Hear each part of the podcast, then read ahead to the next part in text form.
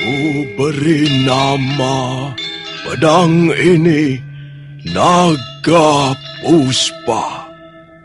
Selamatkan dia. Jangan sampai jatuh ke tangan pendekar berwatak jahat.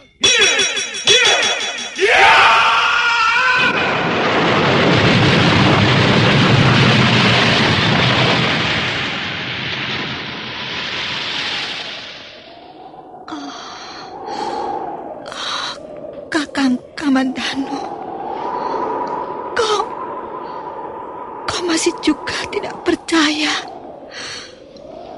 bahwa aku, aku mencintaimu. Mesin. Maafkan aku, Mesin. Oh. Mesin. Oh. Mesin!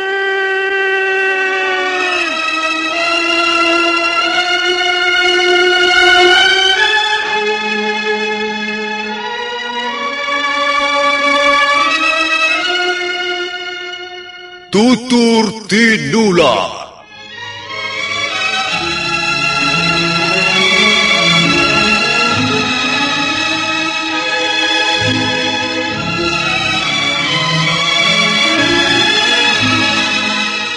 Sebuah sandiwara radio serial, produksi Sanggar Cerita dan Teater Sanggar Prativi.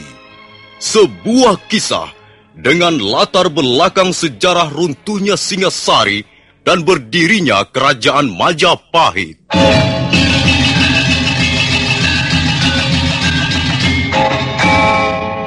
Sandiwara ini didukung oleh pemain-pemain radio yang sudah ternama. Ferry Fadli, Ivone Rose, dan Eli Ermawati.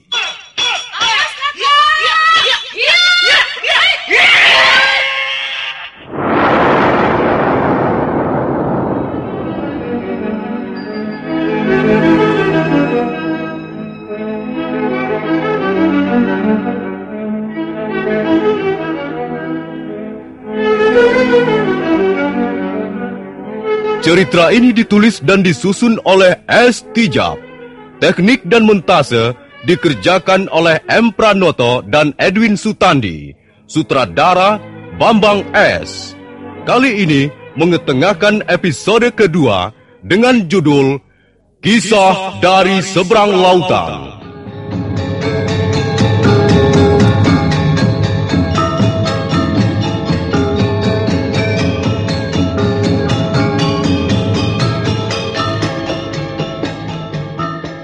Dalam seri yang ke-46 ini didukung oleh para pemain Petrus sebagai Jaya Katuang, Mamuk Pratomo sebagai Kertanegara, Bambangka sebagai Kebo Mudarang, Hari L sebagai Kebo Tengah, Lukman Tambose sebagai Empu Tong Bajil, Narto sebagai Arda Raja, Edi Dosa sebagai Lo Sisan, dan Nusri pembawa cerita. Selamat menikmati.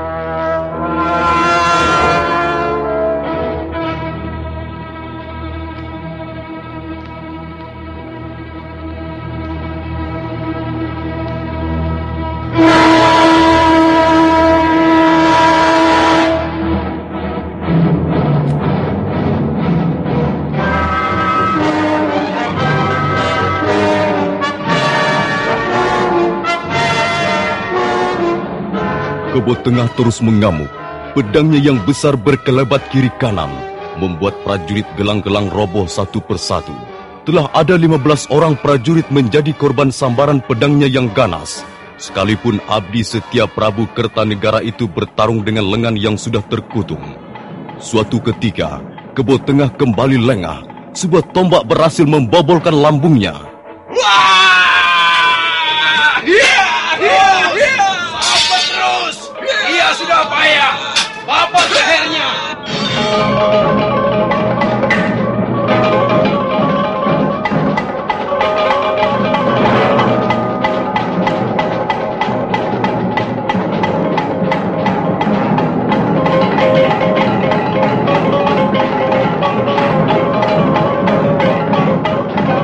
Kini Kebo Tengah mulai nampak semakin melemah. ayunan pedangnya tidak lagi mengganas seperti semula. Darah sudah berceceran ke sana kemari. Darah yang berasal dari luka-lukanya. Luka yang terus bertambah banyak. Dua anak panah kini sudah menghias punggungnya. Juga dadanya sudah hampir terbelah oleh pedang kebo Mundarang. Tapi abdi setia itu masih terus berusaha melawan dengan sisa-sisa tenaganya. Melihat lawan yang nyawanya ulet sekali, Kebo Mundarang menjadi jengkel. Panglima perang gelang-gelang itu segera memerintahkan pasukan pemanah agar menyudahi perlawanan Kebo Tengah. Dan berhamburanlah anak panah menancap tubuh prajurit Malang itu. Ya! Terus tancap! Terus menjadi anak panah! Iya! Iya! Dan akhirnya Kebo Tengah tidak tahan lagi. Dia roboh ke lantai dengan tubuh rusak binasa. Cukup.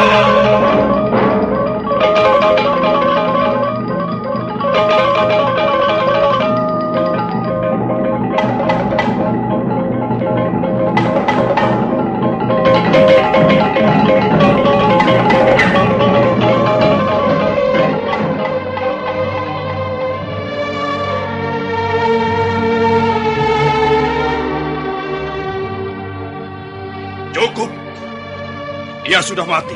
Nyawanya ulet sekali, Gusti. Seperti punya nyawa rangkap tujuh orang ini. Aku hormat melihat watak dan sikapnya. Dia benar-benar prajurit sejati. Kalau saja di antara prajurit Singasari ada seratus orang seperti Kebu Tengah, Kakang Kertanegara akan duduk di atas tahta sampai akhir hayatnya. Setelah beberapa saat merundingkan segala sesuatunya, Prabu Jaya Katuang melangkah diiringkan yang lain meninggalkan mayat kebut tengah. Mereka terus melangkah menuju ruang pribadi Raja Singasari yang sudah nampak pintunya.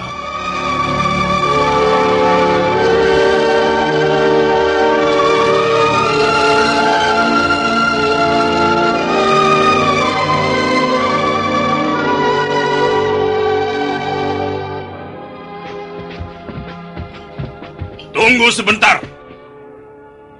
Aku hanya membutuhkan beberapa orang untuk menemaniku masuk ke ruangan ini.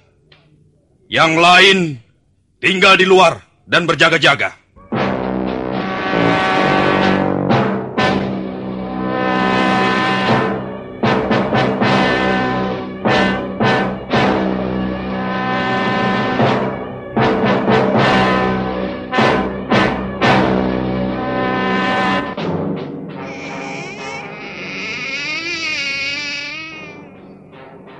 Salam Kakang Prabu. Aku Jaya Katwang yang datang ke hadapanmu.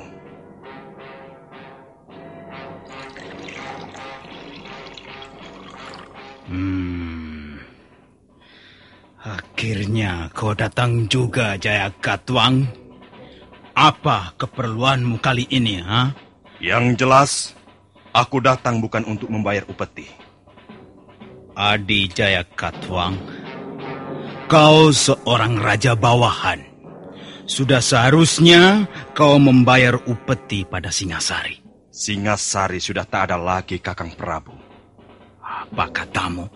Singasari sudah runtuh malam ini.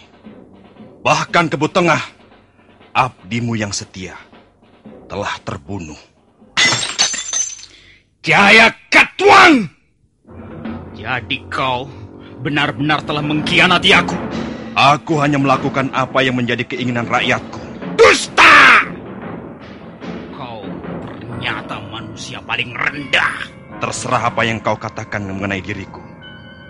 Tapi satu kenyataan, bahwa istana Singasari malam ini sudah berada dalam kepalan tanganku. Manusia hina, tidak tahu terima kasih. Selama ini aku memberimu kepercayaan penuh. Aku mengizinkan kau menjadi raja gelang-gelang. Aku mengizinkan kau membuat laskar kerajaan. Tapi akhirnya laskar itu kau salah gunakan. Mengapa Kakang Prabu marah-marah?